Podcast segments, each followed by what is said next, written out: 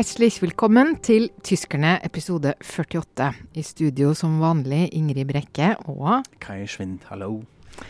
I dag skal vi snakke om et eh, dystert, komplisert og tungt og vanskelig tema. Eh, det er nemlig snart holocaustdagen, og det er markering av at det er 75 år eh, siden Auschwitz ble befridd av Den røde armé, eh, og siden holocaust eh, tok slutt. Og krigen tok slutt. Og dette blir jo da veldig, veldig eh, bredt eh, markert eh, i mange land, men ikke minst da i Tyskland. Merkel har åpna fotoutstilling, Steinmeier skal snakke i Auschwitz, det skal være en spesiell seanse i forbundsdagen. Eh, har det alltid vært eh, så mye og solid markering av dette, Kai?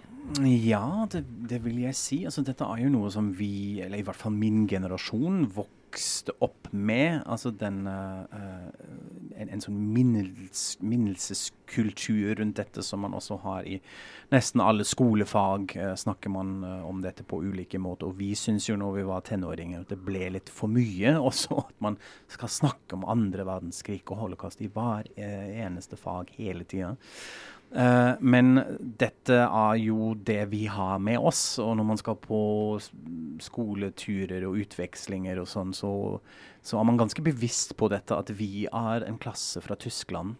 Og jeg husker dette når jeg kom til England når jeg var i Hvor gamle var jeg? 13-14. Uh, til språkutveksling. Og det første som skjer, at det er noen sånne engelske skolegutter som sier 'Heil Hitler' og gjør litt sånn Hitler-hilsen til oss, og vi ble så satt ut. Vi syntes ikke dette var morsomt i det hele tatt. Vi skjønte ikke hvorfor. Fordi dette var med oss allerede da. Vi hadde lest uh, dagboken til Anne Frank og 'Damals var Friedrich' uh, og sånne bøker, og var full med dette. Mm. og full med det alvoret. Mm. så dette er noe som både kanskje på individ- og samfunnsnivået er med oss hele tiden. Mm. Jeg vet ikke helt hvordan det er i dag. Det finnes jo diskusjoner rundt dette hvor, hvor, mye man snakker om det i dag. Det kommer vi kanskje tilbake til etter hvert. Men ja, det er, det er, et tema, selvfølgelig. Mm. Nei, fordi det er jo sånn når jeg kom, eh, når jeg kom for 15 år siden og begynte å henge rundt i, i Tyskland, ja. så var jo dette noe av det som gjorde veldig, veldig mm, dypt eh, inntrykk på meg. Å se hvor For en vesentlig del av det å være den dagens tyske nasjon, da. Eh, altså det er en slags Du kan ikke være høytstående politikere i Tyskland hvis du ikke evner å holde flotte taler eh, om krigen og holocaust, og hvis du ikke klarer å si de riktige ordene.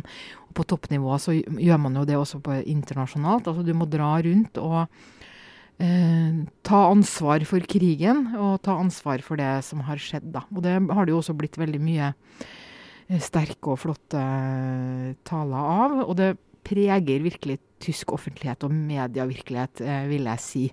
Og nå er det jo 75 år, så nå er det en, virker det jo enda mer enn enn det har vært de siste årene, mm. mm. tenker jeg jo da. Men når du begynte å se på dette, litt sånn rett etter krigen og oppover på en måte, altså har man alltid sett på dette på samme måten, eller hvordan var utviklingen da med nei, å ha en for, diskurs rundt det? Ja, nei, dette har jo Det syns jeg alltid er litt sånn viktig å få med seg at Eh, det med å ta, ta, på seg ansvaret for å være den som starta krigen, og, og, være de som var ansvarlige for holocaust, det var jo ikke noe som, som tyskerne den gangen gjorde eh, frivillig, eller fordi de plutselig var blitt så snille og gode og sånn. Det dette er jo en lang prosess som mm. delvis ble pressa på utenfra, ikke sant. Altså at de som vant krigen, eh, tvang gjennom disse Nürnberg-prosessene.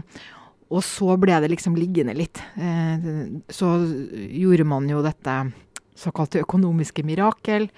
Og en del av det å en, komme inn igjen i det gode selskap, var jo også å være flat og, og akseptere nederlaget. Eh, og så ble egentlig ikke eh, holocaust noe sånn ordentlig tema før i 68. Og disse, denne 68-generasjonen, som jo har det som litt sånn eh, spurte sine foreldre, eh, både direkte og, og, og, symbolsk, hva var det egentlig dere drev med under krigen? Og, ja.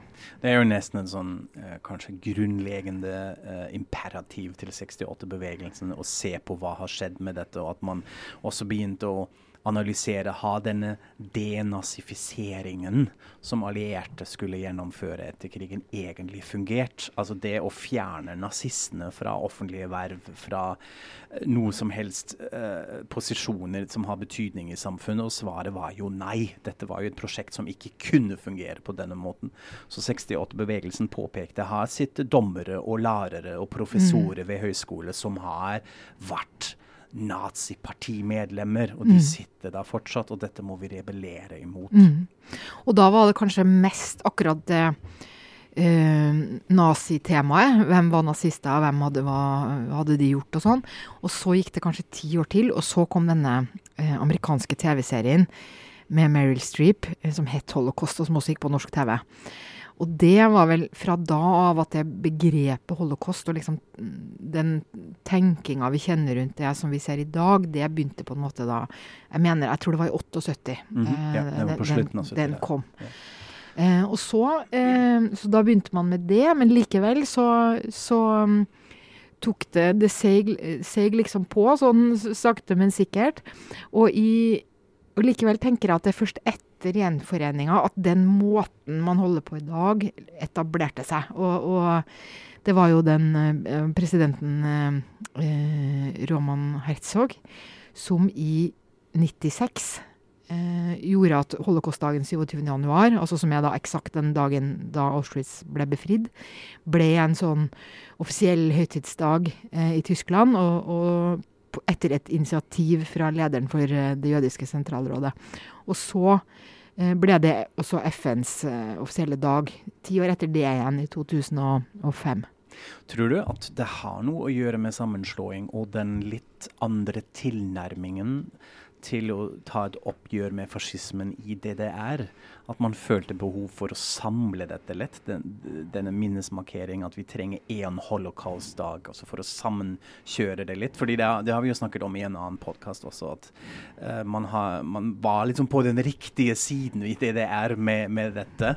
Uh, og kanskje følte ikke helt samme behovet for å ta et oppgjør med det. Jeg vet ikke. Nei, vet, det er et godt spørsmål. Altså, jeg, jeg, har heller ikke dette helt klart for ja. meg, men, men jeg innbiller meg også at det er noe med det at man ville på en måte også hjelpe eh, eh det tidligere DDR med å ta et oppgjør med sine ting, og da ble man kanskje enda mer skjerpa i vest på sine egne ting. Ja. Sånn at dette liksom gikk opp til en høyere enhet. Da. Men, men sikkert også det et behovet for hva kan vi være sammen som en, eh, en nasjon. Mm. Eh, og, og Kohl var jo veldig opptatt av dette. Og, og det var jo i hans eh, regjeringstid at man begynte med dette skal vi lage dette svære minnesmerket i Berlin. ikke sant? Og han hadde jo en visjon om at man skulle lage en sånn stor plate med, med alle de drepte sitt navn.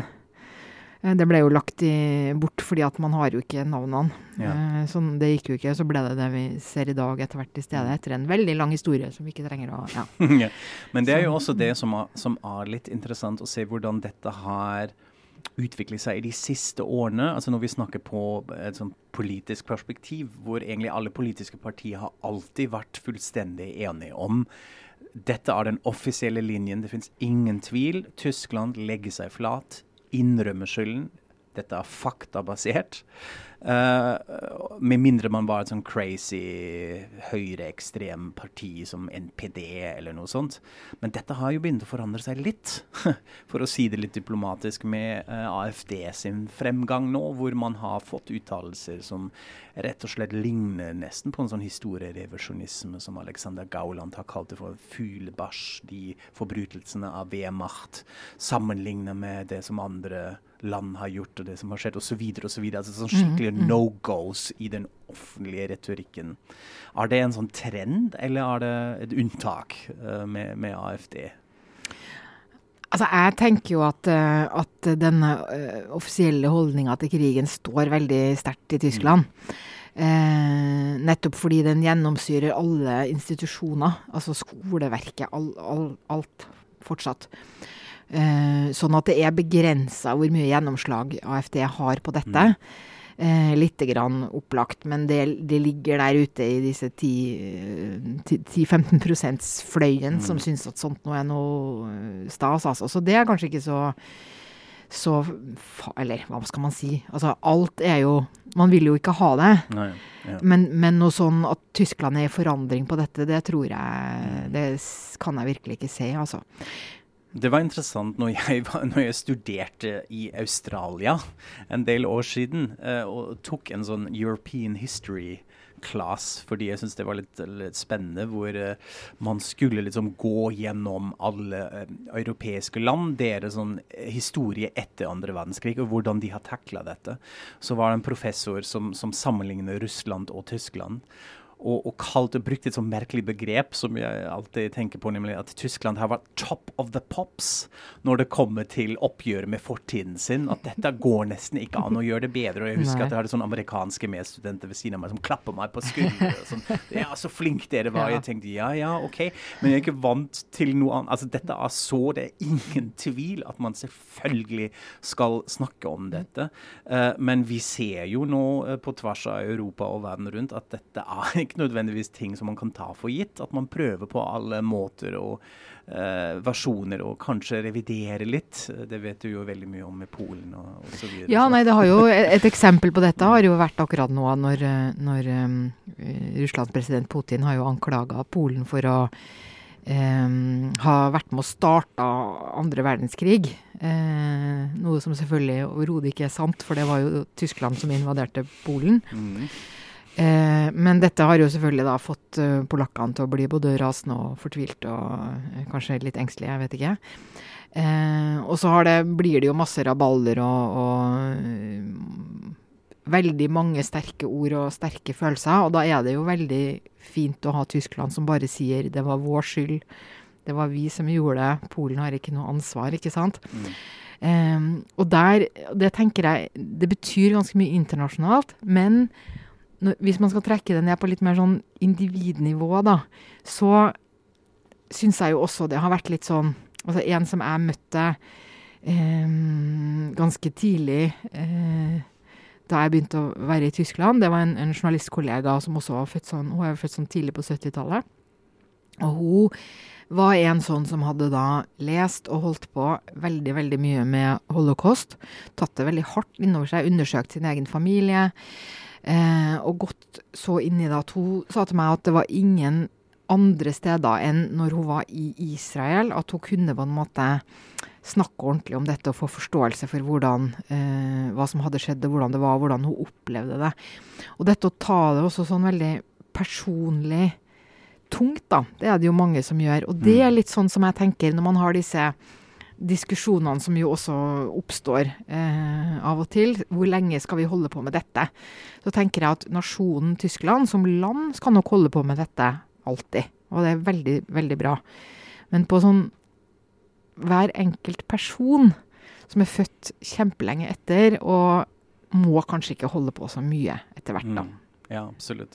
Også da er det interessant om vi drar enda en anekdote fra, ja, fra min reise. Men det, det, skjer når man reiser i verden som tysker. Ja. Eh, jeg var på et sånn utvekslingsprogram i Israel med skolen da jeg var 17 år gammel. Dette er eh, mange tyske skoler som gjør det at uh, tyske og israelske elever skal møtes.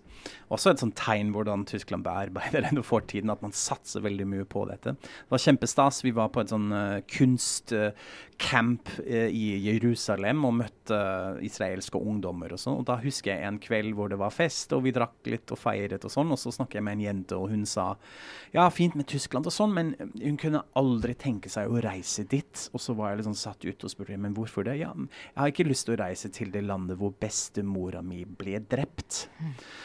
Og jeg husker at jeg var så satt ut av dette. at jeg, Hvordan kan hun si det nå? Så prøvde jeg liksom å overbevise henne på en sånn klønete måte. Men det er jo så fint, og vi gjør så mye, og vi er så åpne, og det er ikke sånt lenger.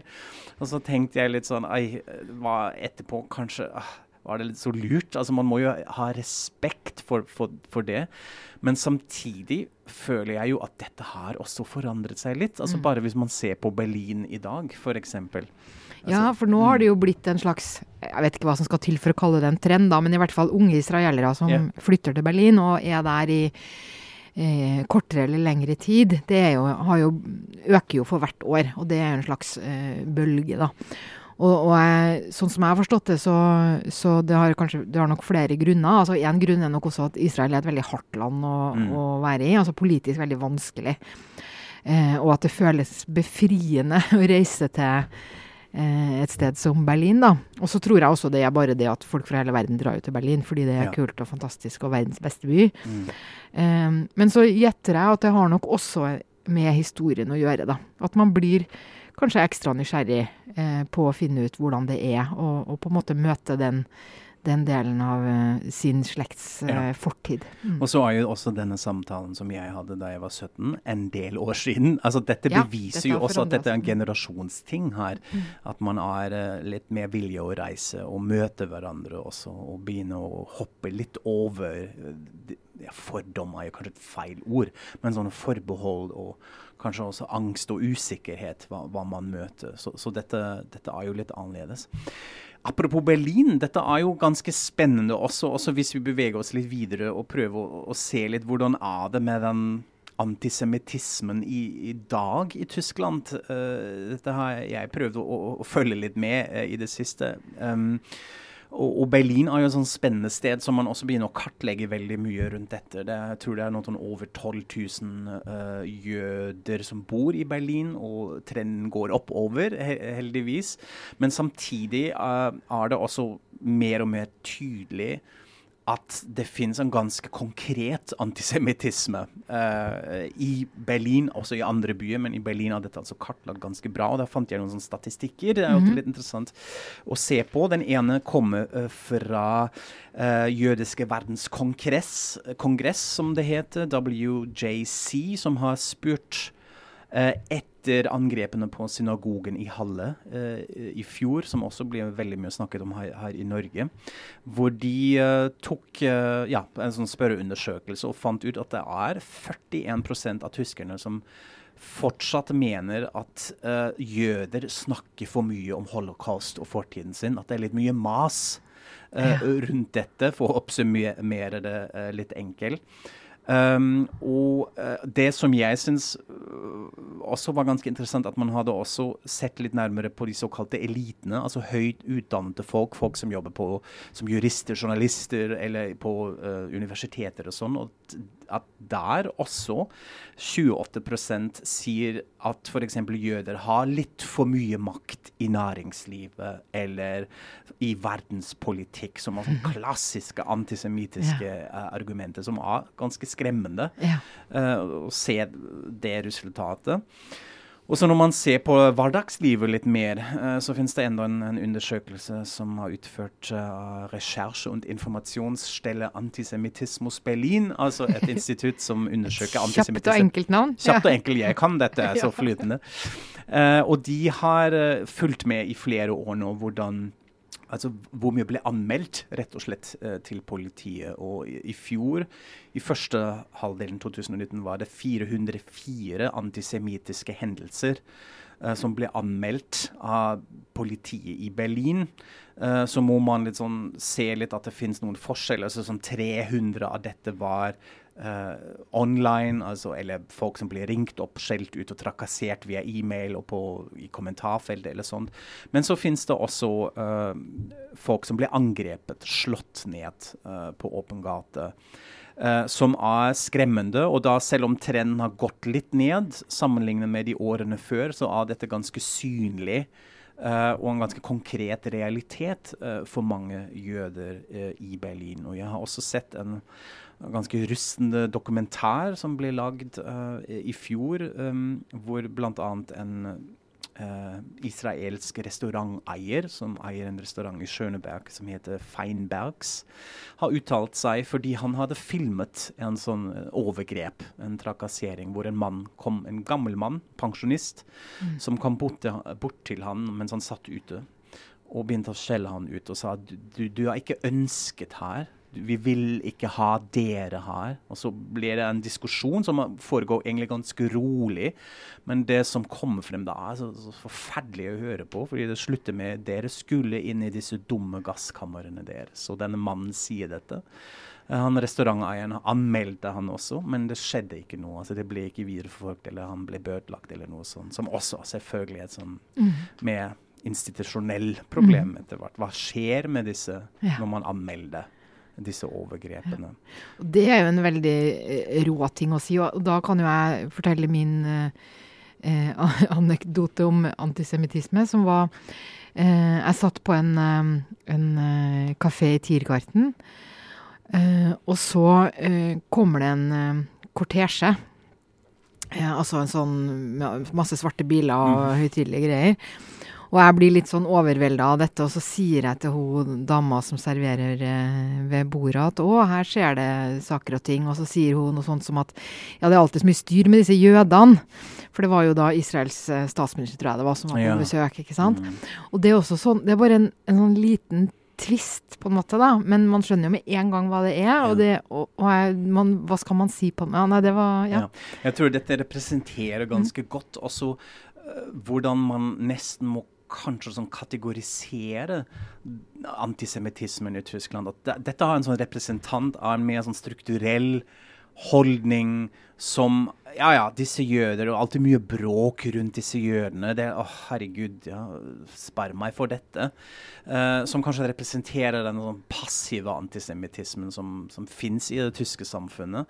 Uh, sammenlignet med den aggressive, voldelige antisemittismen som mm. vi har sett en, en, forferdelig økning i de siste årene. Som også analystene ser på og sier dette er også veldig preget av det man kan kalle for en muslimsk antisemittisme. Altså muslimske innvandrere som kommer fra ulike land, og som tar denne antisemittismen, eller disse holdningene, med seg fra hjemmelandene sine, for å oppsummere det litt enkelt. Mm.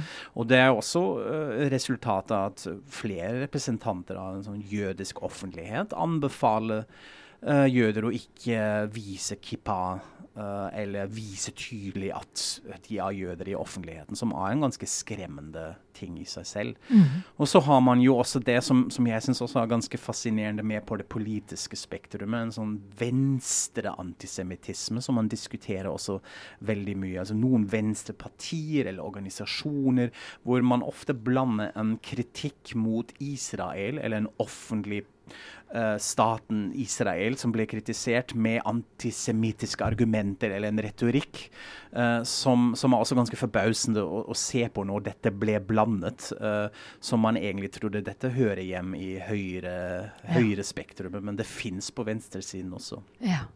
Ja, det er jo også en opplevelse jeg hadde, hvis man skal sammenligne litt sånn tysk og norsk debatt. At her i Norge er vi jo generelt veldig palestinavennlige og relativt Israel-kritiske.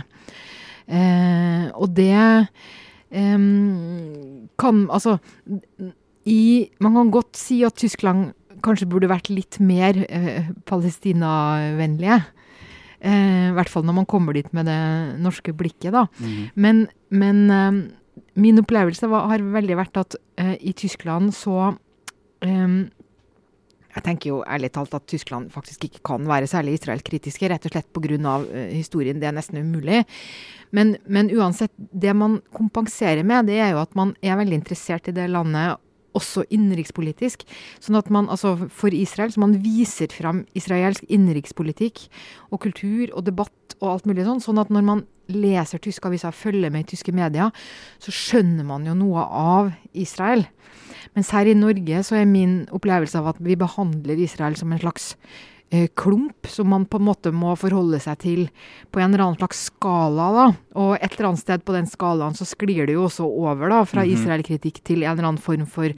antisemittisme. Jeg tror du har rett i det. Altså, jeg har også litt sånn uh, undret meg litt over det her i Norge. Jeg husker ikke helt når det var, men det var en debatt om på Nationaltheatret hvorvidt man skulle invitere en israelsk uh, teatertruppe, er det et ord på norsk? Altså en ensemble. Teatertrupp teatertrupp eh, fordi man egentlig var kritisk mot uh, den offisielle israelske politikken. Hvor jeg tenkte men herregud, da, vi må jo fortsette å snakke med sivilsamfunnet. Vi må jo ikke slutte samarbeid på kulturell nivå. Det er der det skjer. Det er viktig. og jeg synes det var sånn, litt sånn naivt eller, eller litt sånn klønete tenkt at man skulle gjøre dette. Mm. Og da er man kanskje litt mer nyansert i Tyskland, det er sant. Mm. Uh, selv om jeg ikke helt fullt med det. Men en, altså, en interessant ting er jo også hvem representerer på en måte uh, den jø, det jødiske perspektivet i den tyske offentligheten, som jeg tror også preger veldig hvordan uh, man snakker om antisemittisme i Tyskland. Og da finnes det fortsatt ikke så mange mennesker som er synlige i offentligheten. En, en veldig kjent, uh, men også utrolig polariserende person er Michel Friedmann. Uh, som er, um, er jøder fra Frankrike, egentlig. Ganske fascinerende historie, fordi han er barn av Schindler-jøder. Altså disse jødene som Oskar Schindler reddet, som Steve Steven Spielberg lagde filmen om. Uh, og kom til Tyskland på 70-tallet og uh, jobbet seg oppover. Uh, kjempesmart person, to doktorgrader, jurist og utrolig god retoriker. Og etter hvert ble det da også styremedlem i sentralratet Joden i Tyskland, altså dette organet som offisielle rådet som, som representerer jøder i Tyskland. Uh, og var alltid veldig veldig god til å påpeke også en sånn strukturell antisemittisme uh, i, i, Tyskland, og i politikken også. Han havner i en sånn utrolig uh, fascinerende krangel med Jürgen Møllemann, som var FDP-medlem i 2002. Uh, og uh, dette var altså snakker man veldig mye om i offentligheten. Men så hadde, havna han i en slags skandale, fordi han Det kom frem at han hadde sånn sexpartys med prostituerte og full av kokain på et hotell, og han måtte trekke seg fra alle offentlige verv og mistet sånn skikkelig kredibilitet, og spilte selvfølgelig også alle de antisemittene i hendene. Altså uh, at man sier 'se på den sleske jøden her', typisk. Men han hadde sånn, hatt et lite comeback. Han har også et, et TV-program, altså sånn debattprogram, og han er fortsatt ganske jeg syns han er ganske bra i disse debattene, selv om han er en, en litt slitsom og polariserende person. Men er supersmart å påpeke nett, nettopp dette. Uh, men i det siste har man jo også sett mer um, jødiske mennesker kommer frem på det kulturelle planet. Altså mm. sånn standup-komikere og mm. forfattere som, som, er litt mer synlige mm. i offentligheten. Og jeg tror dette er veldig viktig også, for å mm. så rett og slett ha mer ansikter å vise frem hvordan jøder ser ut. Nemlig akkurat som vi, vi alle andre også. Ja, nei, det er alltid, absolutt alltid viktig, det, altså. Den, eh, jeg så en dokumentar, eh, som jeg, som jeg, sa, og da ble også en, eh, en jødisk rapper intervjuet. Han mm. heter Ben Salomo, og, og han sa noe ganske fascinerende om, om antisemittismen. Uh, egentlig overalt. Og fordi han sa, etter alle de årene som han har opplevd dette, så, så tenkte han at antisemittisme er litt som herpes. Som å ha herpes, eh, som et samfunn har. Og det kommer litt an på, på eh, immunforsvaret til det samfunnet. Uh, hvorvidt herpesen blir synlig eller ikke. Den ligger da. Den er Du blir aldri kvitt den. Du blir aldri kvitt den. Men du kan gjøre noe imot med å bygge opp det immunforsvaret. Ja. Uh, og det syns jeg er uh, egentlig en ganske smart måte Eller en veldig spennende analogi. Jeg syns det, det gir, gir mm. kanskje ganske god forklaring på hvordan man kanskje må håndtere dette. Ja, og at man alltid må holde på, på en måte. Det er en ja, sånn prosess sant? som bare aldri slutter. Akkurat det. Det er ikke noe man blir, som kan bli ferdig med. Det, man må være obs på dette og følge med. Ja. Så det er sikkert ikke siste gang at vi snakker om, om dette her òg. Ja, da nærmer det seg slutten, men vi har jo en liten, bitte liten, vil jeg si, ordspalte. Mm -hmm. eh, men med tre eh, ord som er da i samme ånd som resten av eh, denne sendinga. Og det er rett og slett bare en forklaring på hva er holocaust. Mm -hmm. Hvor, hva er det ordet? Ja. Det er et gresk ord som betyr fullstendig brent. Eh, og så er det jo to andre ord eh, for det samme. og Det ene er jo shoa, som mm. er, som er det hebraiske ordet.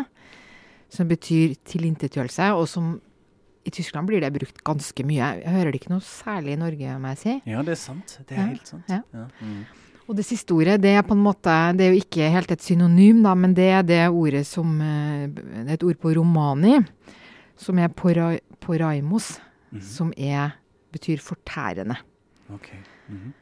Og når du sier Shoah, så kan vi jo komme med en anbefaling eh, hvis man er interessert i å virkelig fordype seg inn i det temaet, nemlig dokumentarfilmen Shoah av franske regissøren Claude Landsmann, som lagde den over flere år. Det er ni timer hvor han snakker med egentlig alle involverte grupper. Uh, etterpå, selvfølgelig med tyske, med uh, folk som hadde flyttet til Israel, med polakker, med alt mulig. Utrolig fascinerende. Også mange debatter rundt det, men veldig, veldig, veldig spennende og fascinerende å se på dette. Ja. Da sier vi takk for oss og auf Wiederhören. Auf Wiederhören.